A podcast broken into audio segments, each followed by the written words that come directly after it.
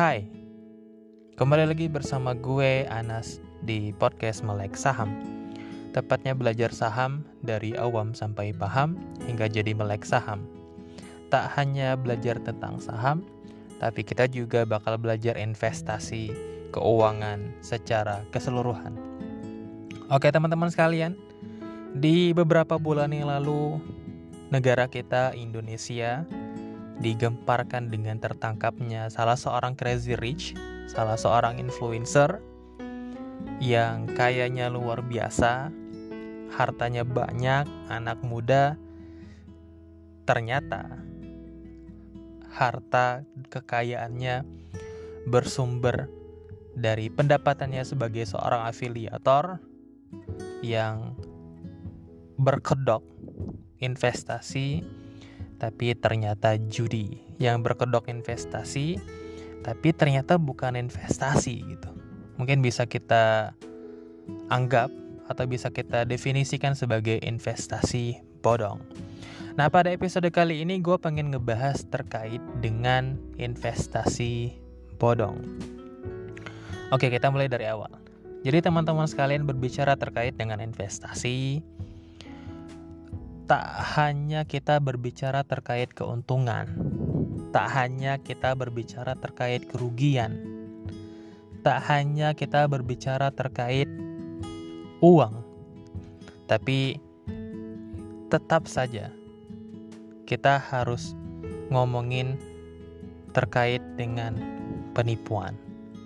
Jadi teman-teman sekalian, di dalam investasi itu ada namanya penipuan atau yang boleh kita sebut sebagai investasi bodong. Jadi ngakunya investasi tapi ternyata bohongan nih.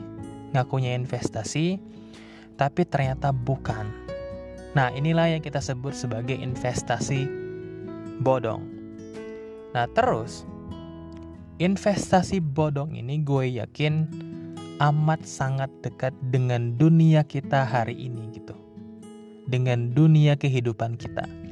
Atau boleh jadi dari banyaknya pendengar podcast gue ada yang pernah jadi korban terkait dengan investasi bodong. Contohnya, contohnya misalnya teman-teman sekalian punya uang, kemudian ada sosok yang tidak dikenal menawarkan investasi, menawarkan janji-janji, dan lo tertarik untuk ikutan. Tapi ternyata satu bulan, dua bulan ke depan, bukannya lo untung, tapi duit lo dibawa kabur. Itu contohnya. Nah kalau dalam dalam investasi modern, ya seperti yang gue bilang tadi, salah satu kasusnya Crazy Rich itu itu boleh jadi termasuk ke dalam investasi bodong. Nah, kemudian terkait dengan investasi bodong, ternyata dalam datanya 10 tahun terakhir di negara kita kerugian terkait adanya investasi bodong ini sudah mencapai 117,5 triliun rupiah itu ya jadi dalam kurun waktu 2010 2011 sampai 2021 atau sampai 2022 kira-kira dalam jangka 10 tahun itu itu korbannya atau total dari uangnya itu sudah mencapai 117,5 triliun rupiah. Nah pertanyaannya itu adalah gue yakin masyarakat kita masyarakat Indonesia itu banyak banget orang pintar gitu.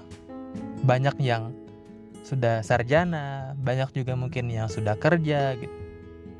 Nah, tapi pertanyaannya itu adalah kalau memang banyak banget orang pintar, banyak banget orang yang sudah sarjana, gitu. ya banyak banget orang yang yang apa namanya nggak nggak hanya cuma tamatan SD atau SMP doang nih, tapi secara tingkat pendidikan, secara tingkat pengetahuan, gue yakin nih masyarakat kita secara angka edukasi atau secara angka literasi itu sudah lebih baik daripada sebelum-sebelumnya. Tapi ternyata kalau kita berbicara terkait dengan investasi bodong hingga hari ini itu investasi bodong masih tetap aja ada korbannya. Masih tetap aja ada yang berminat. Masih tetap aja ada yang ketipu dengan yang katanya sih investasi, tapi ternyata bohongan. Katanya sih investasi, tapi ternyata investasi bodong. Gitu ya. Nah, salah satu opini gue pribadi, kenapa hingga hari ini investasi bodong itu masih tetap aja ada korbannya, masih tetap aja ada orang yang mau. Ini terkait dengan behavior kita, terkait dengan perilaku kita, terkait dengan mindset kita. Mohon maaf nih ya, kebanyakan masyarakat kita, masyarakat Indonesia, itu tipikalnya satu, pengen kaya. Itu pertama ya. Jadi banyak banget dari masyarakat kita itu pengen kaya. Boleh jadi lu, atau boleh jadi temen lu, atau boleh jadi keluarga lu, atau boleh jadi gua juga nih. Jadi kita, masyarakat Indonesia umumnya pengen kaya. Garis bawahi, satu. Nah yang kedua, pengen kayanya itu pengen kalau bisa kita nggak ngapa-ngapain. Itulah yang gue sebut sebagai pengen kaya secara instan. Jadi masyarakat kita, masyarakat yang memiliki impian gimana caranya gue walaupun gak bekerja jadi kaya. Gue kalaupun bekerja gitu, paling sejam dua jam bisa kaya. Nah itu yang sampai saat ini terus banyak dicari oleh orang gitu.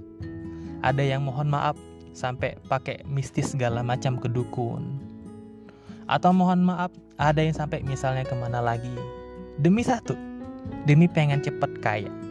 Pengen kaya, tapi pengen instan. Itu ya.